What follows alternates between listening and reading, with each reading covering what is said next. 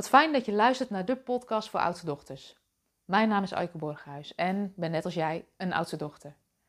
Het is mijn intentie met deze podcast om je te inspireren en je bewust te maken van hoe de plek als oudste dochter in het gezin misschien nog wel meer invloed heeft als je tot nu toe bewust bent geweest. En in een eerdere podcast heb ik al wat meer verteld over je kwaliteiten, je valkuilen en waarom je denkt dat je het als oudste dochter alleen moet doen. Ehm, en waarom dat eigenlijk niet zo hoeft. Want je moet het wel zelf doen, maar je hoeft het niet alleen te doen. En ja, mijn ervaring is, en ook die van mijn klanten, is dat het begint met een besluit. Dat het begint met het besluit dat je niet langer het leven van anderen leeft of je aanpast aan wat anderen van je verwachten. Het gaat erom dat je besluit neemt, dit is mijn leven. En het kan nu zijn dat je denkt, ja maar dat kan allemaal niet, daar heb ik geen tijd voor, of daar heb ik geen energie voor. En dat snap ik, want ik heb zelf ook in die situatie gezeten dat je het gewoon even niet meer ziet. Maar weet dat het begint met het besluit dat je het anders wil. En weet ook dat je het niet alleen hoeft te doen. Dus mocht je wat hulp kunnen gebruiken, dan kun je me altijd even een berichtje sturen via info.aikeborghuis.nl. Is, is dat je ziet dat als het van binnen uitkomt, dat je daarmee alsnog ontzettend veel waarde toevoegt aan de wereld om je heen. Is maar dat dat begint met het besluit: ik wil het anders. Dit is mijn leven en ik leef het op mijn voorwaarden. En weet ook, ehm, ik heb het je al even verteld, de valkuil van veel oudste dochters is dat je de neiging hebt om het alleen te moeten doen. Is dat je het wel zelf moet doen, maar je hoeft het niet alleen te doen. En weet ook dat als je samen op ontdekkingsreis gaat, dat je gewoon veel sneller stappen kunt zetten. Veel sneller gaat komen op de plek waar je wil zijn. Waar het weer licht voelt, waar je je vrij voelt. De oplossing ga je niet alleen vinden in je hoofd, dus je zult wat anders moeten gaan doen. En ik zou het fantastisch vinden om je daarbij te mogen helpen.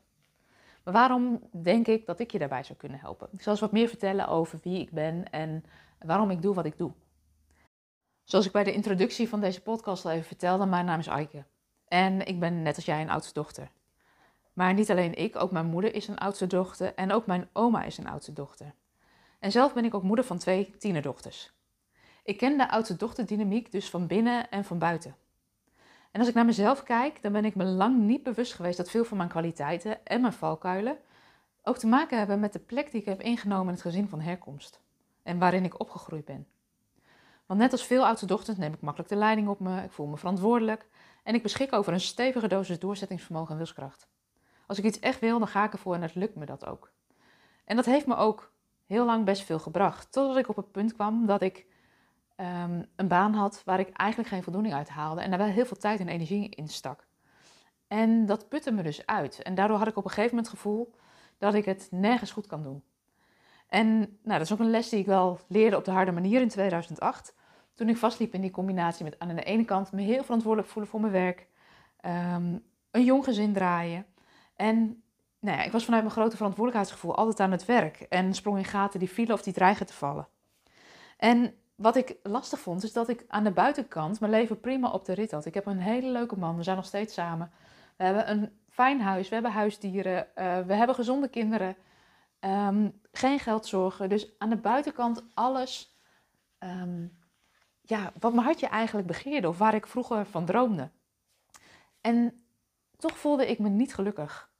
En daar schaamde ik me ook voor. En daar had ik ook wel een oordeel over. Want ja, ik had alles wat ik wilde. En toch voelde ik me niet blij.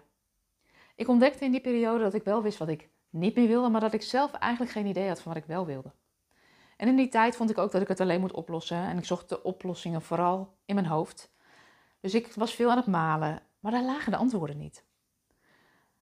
En omdat ik er niet uitkwam, besloot ik op een gegeven moment om hulp in te schakelen. En achteraf gezien had ik dat veel eerder mogen doen. En dat zie ik ook bij heel veel oudste dochters. We wachten vaak vrij lang.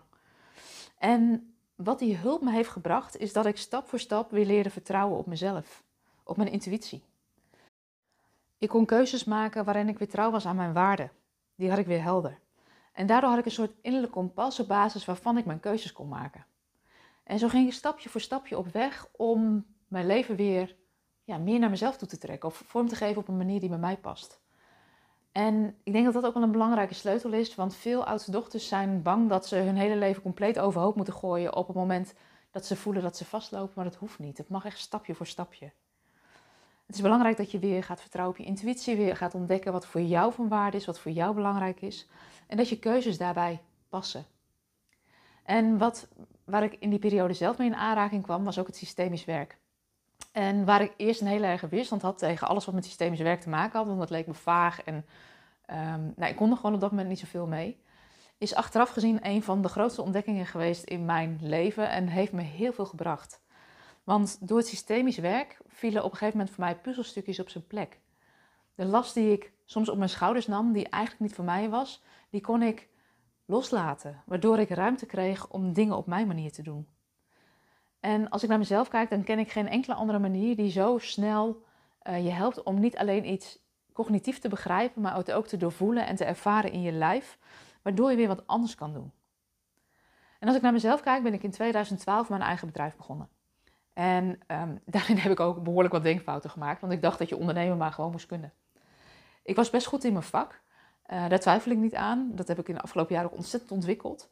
Uh, maar ik bleek in het begin echt een ploeterondernemer te zijn. Ik was echt zo'n duizend dingen doekje. Ik wilde iedereen wel helpen.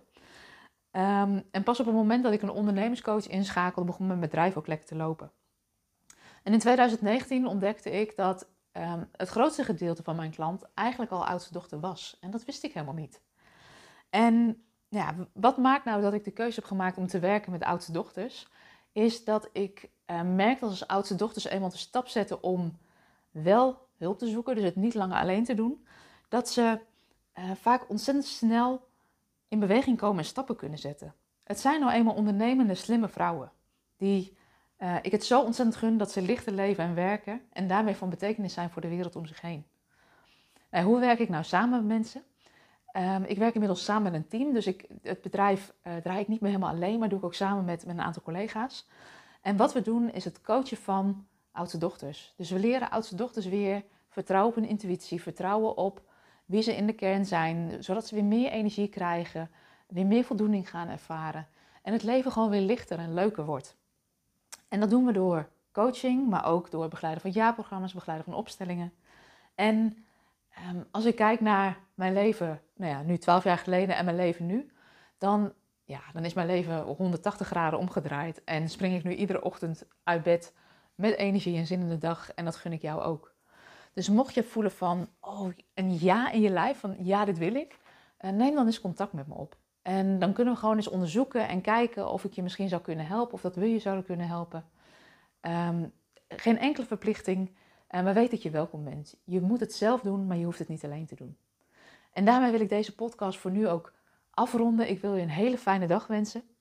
Wil je meer weten? Neem dan een kijkje op www.oudstedochter.com. Daar kun je ook een afspraak met me inplannen. En um, ik kijk er naar uit om je te ontmoeten.